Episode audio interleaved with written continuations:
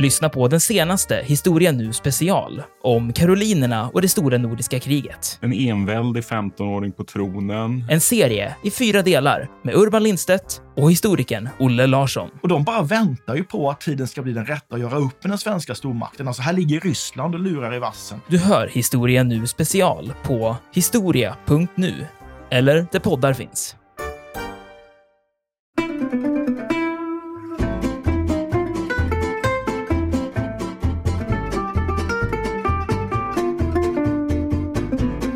Här jag tycker det blir väldigt intressant och det här vill jag stanna upp lite vid nu. För att visst har man hört att Columbus trotsade den korkade medeltiden med sina rationella övertygelser. Ja, visst. Att den dumma massan trodde att han skulle falla av jordens yta.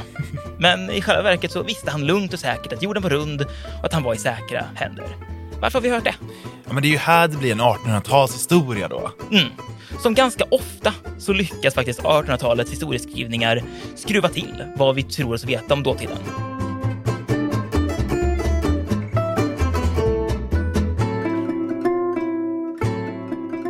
En oväntad historias sommarvikarier Aron Schurman och Viktor Wallén är två poddare som tagit allt för många akademiska poäng i historia. I sommar vikarierar de under sex veckor för Olle och Andreas.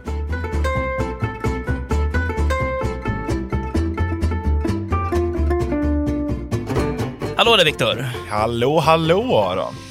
Idag tänkte vi ska prata om en väldigt fascinerande historisk idé. Nämligen myten om den platta jorden. Oh, I strikt historisk mening hoppas jag. Mm. I strikt historisk mening. Samtidens flat earthers, de lämnar jag utanför det här. Låter bra. Som vanligt så riktar vi blicken bakåt in i den spänningsfyllda och oväntade historien. Men nu Viktor, när jag säger myten om den platta jorden, vad tänker du då? Uh, då tror jag att du menar idén om att medeltidens människor, att alla medeltidens människor trodde att jorden var platt. Just det. Det är en vanligt förekommande idé, minst sagt. Det, alltså det, den känns skulle jag säga, nästan som en vedertagen sanning med tanke på hur ofta man har hört det sägas. Att på medeltiden då trodde man jorden var platt. Ja, alltså senast jag hörde det var igår när jag berättade för min eh, partner om eh, det här avsnittet. Mhm. Och hon sa det, va? Men var det, trodde inte alla det? Tänka sig va? Och eh, jag, jag som kollar mycket på filmer som ska vara så lite tankevurpande och härja lite med så olika tidslinjer och grejer. Där har jag märkt att det ganska ofta kan användas som en sån metafor. Alltså hur eh, någon någon ska förklara någonting komplicerat till en annan karaktär i en film, så kan det vara en sån grej man kastar in. Tänk hur det kändes för människor när de fick reda på att jorden inte var platt. Alltså det är som en sån, bara en, ett obestritt faktum, en sanning, att eh, någon gång mot slutet av medeltiden så uppmärksammar man att plötsligt så var jorden rund, eller man fick den uppenbarelsen. Men därför svingar jag nu in min curveball här. Myten om den platta jorden, Viktor, det är inte en historia om den europeiska och kyrkliga medeltiden, utan en historia om 1800-talet. Nej men dra på trissor! Så är det faktiskt. Du, vi backar bandet och vi tar det hela från början. Och jag antar att vi går hela vägen tillbaka till antiken? När man pratar om början, ja, då, då är det ofta antiken. den, den västerländska vetenskapshistorien går ju ja, men oftast som längst tillbaka till just antiken. Självklart så har människan genom alla tider och över hela världen reflekterat över formen av vår jord och hur den samspelar med himlen, solen, stjärnorna, allt där. Det finns klart olika bud på hur just jorden är formad. I gamla Mesopotamien och Egypten där var det exempelvis ganska vanligt att föreställa sig jorden platt. Som en skiva, en ganska vanlig beskrivning, en vanlig metafor.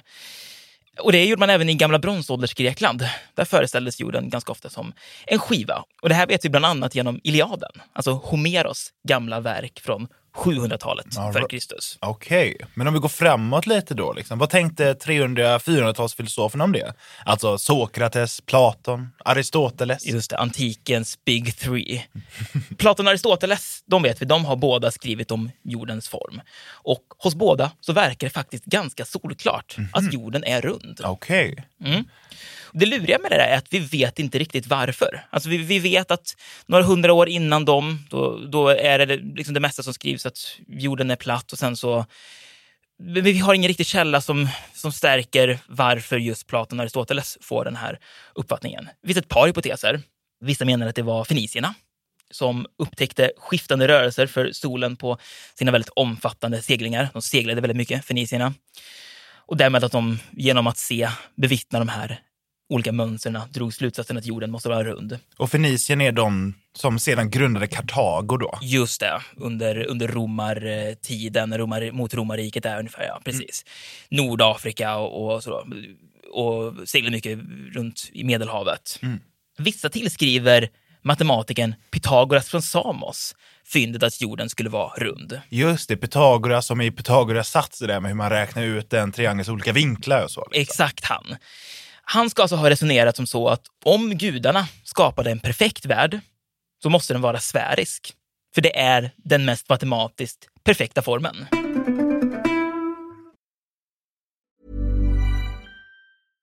Everyone knows therapy is great for solving problems.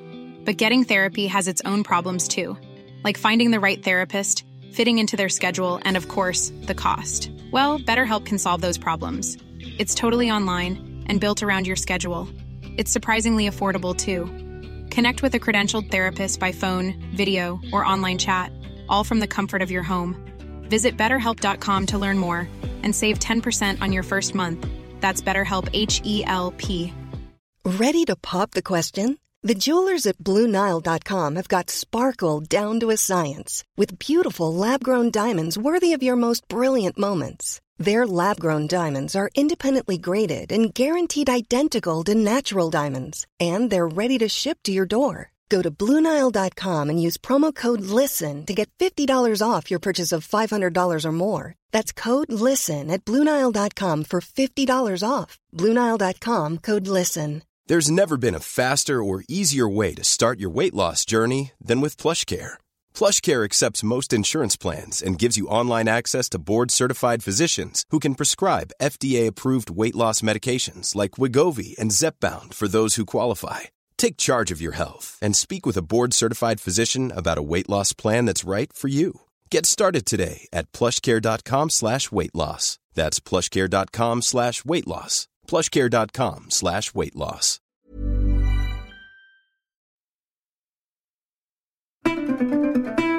Men alltså att slå fast att jorden är rund är ju inget som kräver modern astronomi eller färde ut i rymden. Det går att räkna ut även under antiken. Mm. Det går faktiskt i allra högsta grad.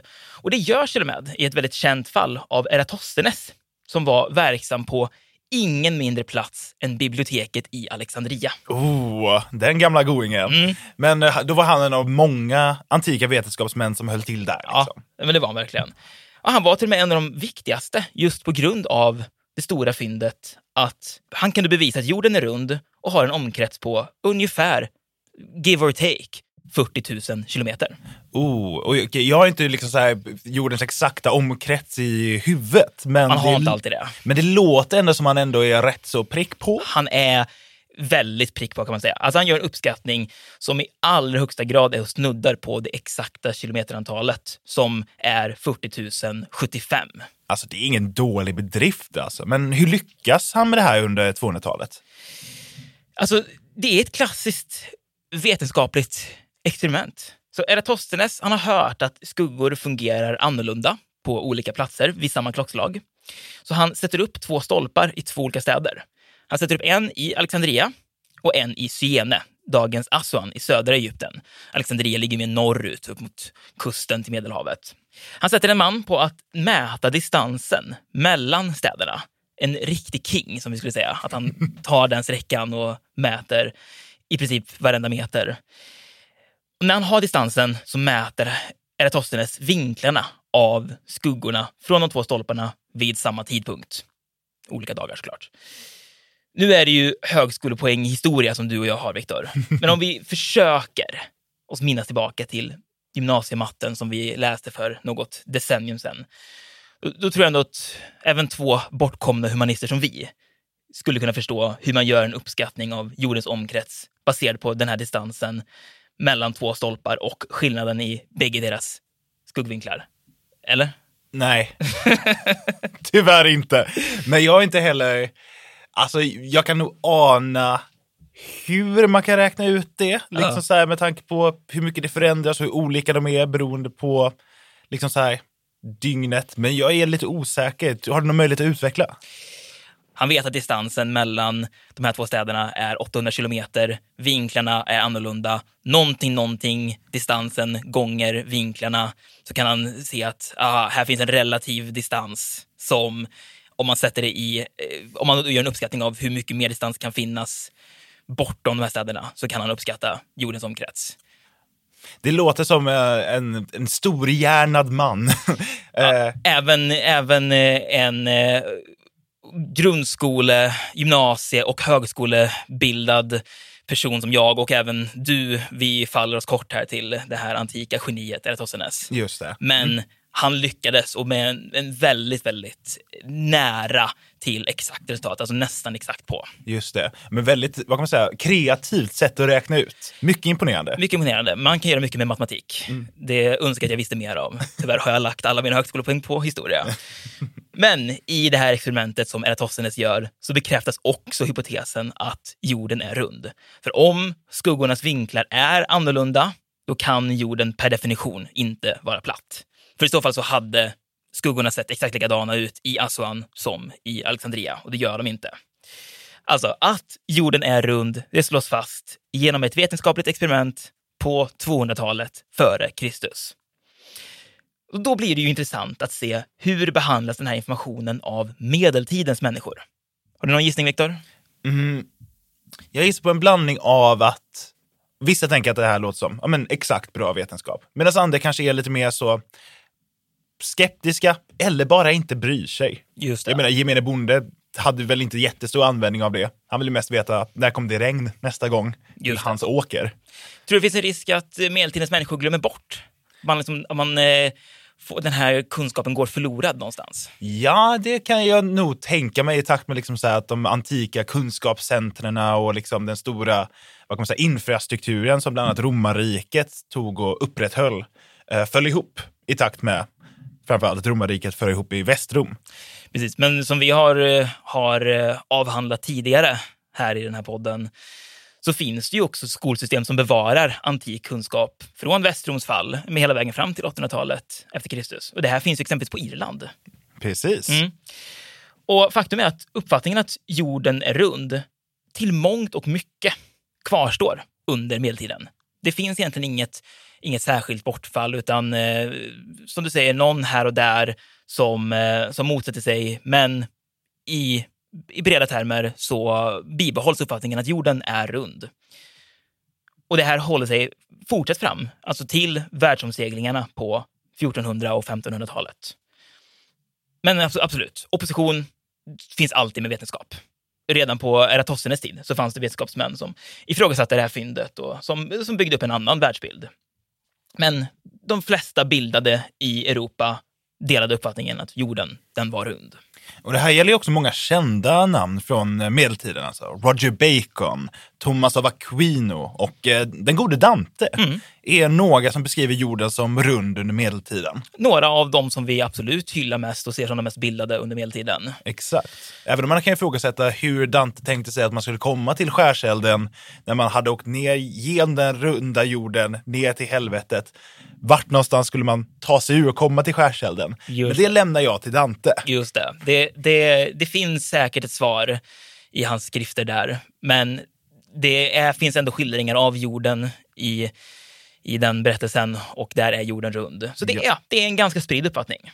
Så när det är dags för Columbus att ge sig ut på sin resa västerut på 1400-talets slut, då är det jordens storlek som är det kontroversiella. Eftersom den runda jorden var ett obestritt faktum, var det så? Ja, exakt så var det. Alltså, alla höll ju inte med Eratosthenes. Bland annat så, ja, exempelvis gällande hans bedömning att omkretsen på jorden var 40 000 kilometer. Många trodde den var betydligt mindre. Det fanns egentligen ingen... Eh, man ansåg att det var helt befängt att den skulle vara så stor. Så mycket, eh, så långt kan det inte sträcka sig, eh, alltså över hela. En av dem som höll sig till skolan, jorden är mindre än vad Eratosthenes räknade till att vara, det är ingen annan än den italienska köpmannen Christopher Columbus. Vid det sena 1400-talet då har de västeuropeiska kungarikernas möjlighet att handla med Asien försvårats av en osmansk expansion runt Medelhavet. Man söker alltså nya vägar till Indien och Columbus han föreslår att vägen till Indien västerut antagligen är kortare än vad man tror. Många har ju börjat runda Afrika här, men tänker Columbus, jorden är mindre än vad Eratosthenes räknade, alltså om vi åker västerut så kommer vi snabbt till, till Indien. Det är välkänt att han fick avslag från både det portugisiska och även till en början det spanska hovet. Men det här är inte för att de var inskränkta religiösa fanatiker som trodde att jorden var platt. Och det är för att de faktiskt bedömde att distansen till Indien var betydligt längre än vad Columbus kunde segla. Och med facit i hand så hade de ju väldigt rätt. Ja, alltså inte en chans att Columbus hade klarat den resan utan någon slags mellanlandning i Amerika. Ja, då, då är det liksom lite oförtjänt tur han får här då, att han bara liksom stötte på Amerika bara rakt ut i oceanen där. Ja, oerhört. Men det här jag tycker jag blir väldigt intressant och det här vill jag stanna upp lite vid nu. För att visst har man hört att Columbus trotsade den korkade medeltiden med sina rationella övertygelser. Ja, visst. Att den dumma massan trodde att han skulle falla av jordens yta. Men i själva verket så visste han lugnt och säkert att jorden var rund och att han var i säkra händer. Varför har vi hört det? Ja, men det är ju här det blir en 1800-talshistoria då. Mm. Som ganska ofta så lyckas faktiskt 1800-talets historieskrivningar skruva till vad vi tror oss veta om dåtiden. Viktor, nu åberopar jag dina erfarenheter, dina högskolepoäng i idéhistoria. Huh. För visst är det så att under 1800-talet så uppstår en slags uppfattad konflikt, kanske man kan säga, mellan vetenskap å ena sidan och religion å andra sidan i västvärlden. Precis. Alltså, I och med upplysningen på 1700-talet så framträder en ny bild av vetenskap med grund i naturfilosofi. Alltså att eh, studiet av världen runt omkring oss, mer eller mindre. Denna vetenskap sätts i kontrast till religionen och ifrågasätter den i mångt och mycket. Och man framställer det som att de två är oundvikliga fiender orden vetenskap och religion är faktiskt ganska nya liksom så i den moderna världen. De trädde fram ungefär under 1600 och 1700-talet och blir snabbt ganska laddade. Religion ses som det gamla och bakåtsträvande, medan vetenskap blir det nya och progressiva. Det här är i all väsentlighet en 1800-talsuppfinning. Eh, liksom. Medeltiden var inte antivetenskap så som man ofta kan tro. Istället var religion och vetenskap, som vi känner till det, sammanvävt under en och samma verksamhet. Och de hade inte den här fiendeskapen som 1800-talets historiker ville framställa det som. Man kan liksom ana någon slags bias här. Alltså för 1800-talets självtitulerande genier så måste de förmedla bilden av att den medeltida människan var lite korkad för att förhöja sig själva. Det här görs på ett väldigt genialiskt vis genom att måla upp bilden att man under medeltiden föreställer sig att jorden var platt. Här finns det flera nyckelpersoner som faktiskt bidrar. Du har exempelvis de amerikanska 1800-talshistorikerna John William Draper, du har Andrew Dixon White och den senare, White, han skrev faktiskt så här 1896. Citat. Many a bold navigator who was quite ready to brave pirates and tempests trembled at the thought of tumbling with his ship into one of the openings into hell, which a widespread belief placed in the Atlantic at some unknown distance from Europe. This terror among sailors was one of the main obstacles in the great voyage of Columbus. Slutcitat. De här 1800-talsgubbarna alltså de lägger ofta upp det som att man, man har en gång känt till att jorden var rund tack vare den driftiga och icke inskränkta antiken, men att denna kunskap, gud förbjude, fick underkasta sig medeltidens religiösa välde som var på korståg mot vetenskapen. Men eh, så gick det inte till. Så den intressanta frågan blir naturligtvis, varifrån fick de det hela? Alltså varför byggde de uppfattningen att medeltidens människor trodde att jorden var platt? Och för att få svar på det så behöver vi backa tillbaka igen till den tidiga medeltiden då, tillbaka till källorna. Den absoluta majoriteten av medeltidens intellektuella, som vi sagt innan, förstod att jorden var rund, eller accepterade det i någon mån, och med att man kanske diskuterade lite kring det. Mm. Men vad gemene bonde eller olärd adelsman tänkte, det vet man inte lika väl.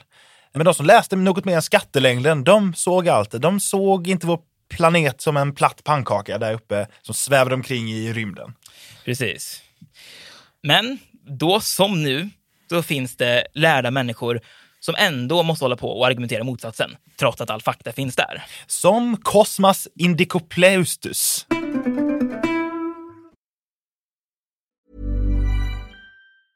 Ready to pop the question? The jewelers at BlueNile.com have got sparkle down to a science with beautiful lab grown diamonds worthy of your most brilliant moments. Their lab grown diamonds are independently graded and guaranteed identical to natural diamonds, and they're ready to ship to your door. Go to BlueNile.com and use promo code LISTEN to get $50 off your purchase of $500 or more. That's code LISTEN at BlueNile.com for $50 off. BlueNile.com code LISTEN. A lot can happen in three years, like a chatbot may be your new best friend. But what won't change? Needing health insurance. United Healthcare Tri Term Medical Plans, underwritten by Golden Rule Insurance Company, offer flexible, budget friendly coverage that lasts nearly three years in some states. Learn more at uh1.com. Millions of people have lost weight with personalized plans from Noom, like Evan, who can't stand salads and still lost 50 pounds. Salads, generally, for most people, are the easy button, right? For me, that wasn't an option. I never really was a salad guy. That's just not who I am. But Noom worked for me. Get your personalized plan today at Noom.com. Real Noom user compensated to provide their story. In four weeks, the typical Noom user can expect to lose one to two pounds per week. Individual results may vary.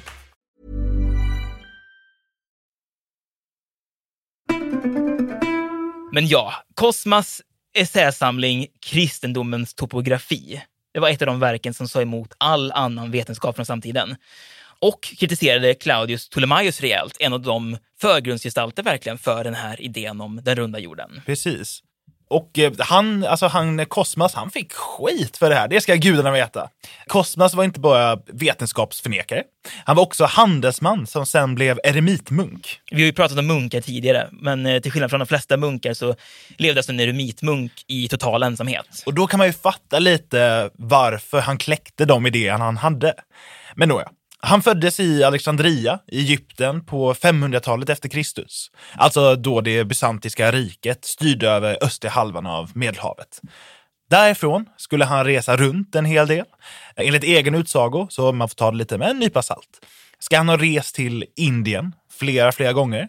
Och han ska även ha rest till kungadömet Axum i dagens Etiopien och eh, Eritrea. Det var, ska sägas här, inte vanligt att man reste så långt under den här tiden. Gud nej, det var väldigt, väldigt mycket svårare än att hoppa på närmsta Ryanair Ja, det, och, och ta sig vidare. tänk sig, det fanns inte. Nej, så sjukt.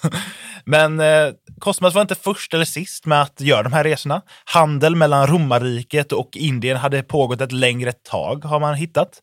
Men han var en av få som faktiskt beskrev sina resor och vad han såg där, gjorde reseskildringar. Hans efternamn, Indicoplestus, det betyder faktiskt han som far till Indien. Låter eh, ändå lite som att han blåser lite till eget horn med det efternamnet. Verkligen. Men om han hade rest så pass mycket, eh, kunde både läsa och skriva, vad fick honom att driva idén att jorden var platt? Alltså det är mycket oklart. Det, det finns tecken på att han hade fått idén från vissa israelitiska och österländska föreställningar om att jorden var en platt skiva som kan ha flutit på vatten. Eh, Så han och andra som också pratar om den här idén om den platta jorden kan ha fått för sig det från sägner, historier och berättelser som liksom flöt omkring i samhället. Men som alltså vetenskapen under den här tiden sa emot. Och religionen. Kosmas fick ju den här kritikstormen mot sig från kyrkligt håll bland annat, där då väldigt mycket av den tidiga medeltidens vetenskap hade samlats.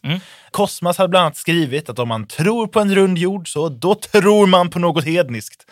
Och en stor biskop skrev 300 år senare att eh, efter att Kosmas bok Kristendomens topografi hade getts ut, att Kosmas, han var inte bara ohedlig, utan han skrev också dåligt. Hårda ord, det är tung recension att få. Verkligen.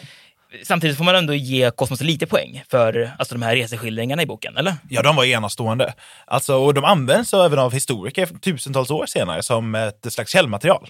Eh, och han hade ju även liksom så här, tagit och illustrerat väldigt detaljerade kartor som visade verkligen liksom så här, hur stor kunskap både han men också vilken kunskap folk i det bysantiska riket hade om världen runt omkring det.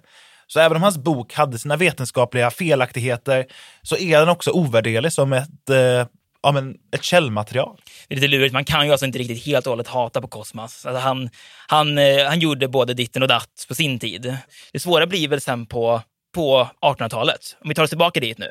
För Kosmos blir ju intressant för att han plockas upp av de här 1800-talshistorikerna som ett bevis för att medeltidens människor trodde att jorden var platt.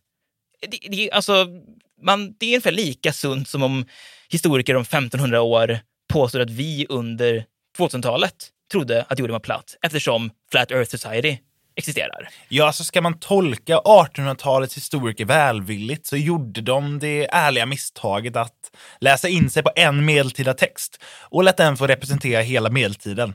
Men det är väldigt oturligt att det var just kosmas som de hittade. Ja, så den lite fulare tolkningen, om man ska gå in med den mot de här historikergubbarna på 1800-talet, det blir helt enkelt att kosmas passade bättre in i deras uppfattning om den religiöst trångsynta medeltiden som innerligt hatar vetenskap.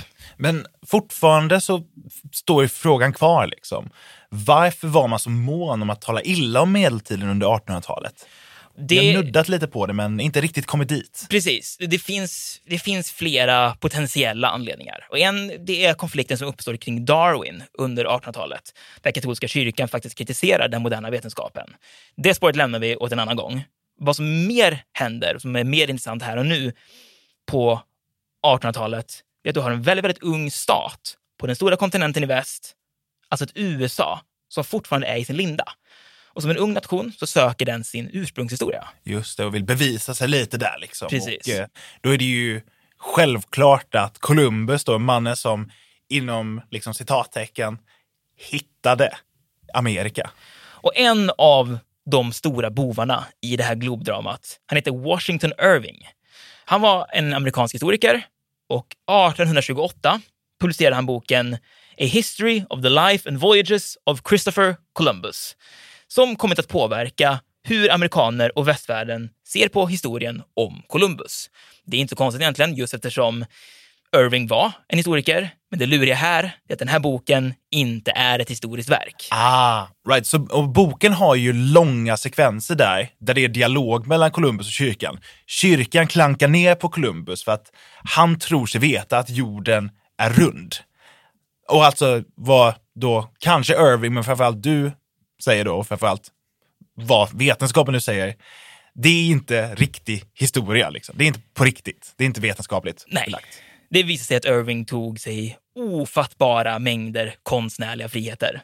Så till den grad att han diktar ihop en fiktiv berättelse om varför Columbus reste västerut och följaktligen varför Europa sen upptäckte Amerika. Alltså, ja, den, den bygger på vissa historiska grunder. Dessvärre så består denna historiska grund till mångt och mycket i vad vår favoritbysantier Kosmas hade att säga om världen. En riktigt rejäl miss helt enkelt. Så det handlar egentligen inte jättemycket om att medeltidens människor, att de skulle vara dumma, så mycket som det handlar om att Columbus skulle vara jätte, jättesmart. Så skälet att vi har hört om Columbus här rationella trots mot eh, den inskränkta medeltiden är för att USA på 1800-talet diktade ihop en ursprungsberättelse för att hävda sig själva. Ja, till mångt och mycket. Och alltså, Irving är såklart inte den enda, men i USA så har den här berättelsen fått ett eget liv och det har ju även spritts långa vägar utåt. Det finns många, även här i Sverige, som tror att medeltidens människor trodde att jorden var platt. En amerikansk skolbok från 1919 började texten om den amerikanska högtiden Columbus Day så här, och jag citerar. When Columbus lived, people thought that the earth was flat. They believed the Atlantic Ocean to be filled with monsters large enough to devour their ships, and with fearful waterfalls over which their frail vessels would plunge to destruction. Columbus had to fight these foolish beliefs in order to get men to sail with him. He felt sure the earth was round. Slutcitat. Så Columbus, han blir inte bara en sund rationalist som motsätter sig föråldrade felaktigheter. Här blir han också något av en entreprenör, kan man säga. En, en go-getter, en symbol för det moderna Amerika. Jag gillar också att de säger “He felt sure that the earth was round”. Han gick på ren magkänsla och satte emot sig hela medeltidens liksom så här, kyrkliga tro och alla andra som kunde någonting om något. Men han följde sin magkänsla så starkt att han kunde upptäcka en kontinent. Vilket vi med alltså nästan 100% säkerhet kan säga inte en chans. Nej. att han i själva verket gjorde alltså en grov missbedömning, Columbus, och mm. var alltså på god väg att sänka sitt skepp rätt ner i Atlanten. Det glöms liksom bort här till förmån för att han hade den, alltså den helt makalösa turen att stöta på en ny kontinent och så småningom bli nationalhjälte för en nation som bildas på den här kontinenten. Så mm, lite bittert så vill jag konstatera att vissa människor har kanske lite för mycket flyt i den här världen. Verkligen. Men för att sammanfatta kan man säga att myten om den platta jorden inte handlar om att medeltida människor trodde att jorden var platt när den själva verket var rund, utan att 1800-talets lärda tänka gemensamt fick för sig att medeltidens människor förnekade faktumet att jorden var rund. Precis. Så summa summarum, lita inte alltid på en 1800-talsromantiker. För ibland så har de läst Kosmas i Nikoplestes. Och med de bevingade orden är det kanske dags att sätta punkt för den här veckan. Ja, tycker jag. Viktor, vi hörs om en vecka, för då är det vårt sista avsnitt som vikarier för Olle och Andreas. Tills dess, tack för idag. Väl mött. Väl mött.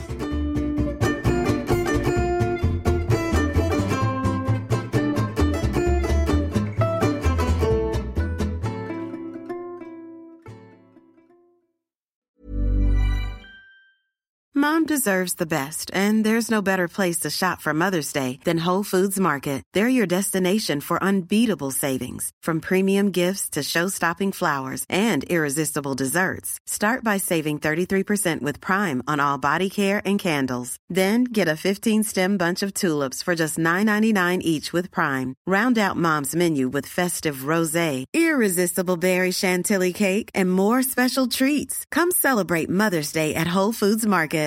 Hi, I'm Daniel, founder of Pretty Litter. Did you know cats tend to hide symptoms of sickness and pain? I learned this the hard way after losing my cat, Gingy. So I created Pretty Litter, a health monitoring litter that helps detect early signs of illness by changing colors, saving you money and potentially your cat's life. Pretty Litter is veterinarian developed, and it's the easiest way to keep tabs on your fur baby's health right at home. Go to prettylitter.com and use code ACAST for 20% off your first order and a free cat toy. Terms and conditions apply. See site for details. Mom deserves the best, and there's no better place to shop for Mother's Day than Whole Foods Market. They're your destination for unbeatable savings, from premium gifts to show-stopping flowers and irresistible desserts. Start by saving 33% with Prime on all body care and candles. Then get a 15-stem bunch of tulips for just $9.99 each with Prime. Round out Mom's menu with festive rosé, irresistible berry chantilly cake, and more special treats. Come celebrate Mother's Day at Whole Foods Market. Iran har under 1900-talet genomgått tre omvälvande revolutioner som orienterat landet antingen mot västerlandets modell eller mot en auktoritär styrelseform. Idag pågår en social revolution i landet som vänder sig mot det islamistiska styret och vars anhängare har Europa och väst som förebilder. I en viktig bok ger idéhistorikern Mohammad Faslashemi en djupare förståelse för dagens dramatiska händelseutveckling. Iran mellan tre revolutioner är utgiven av förlaget Historiska Media. Beställ den fysiska boken på förlagets hemsida historiskamedia.se eller köp den i en bokhandel nära dig.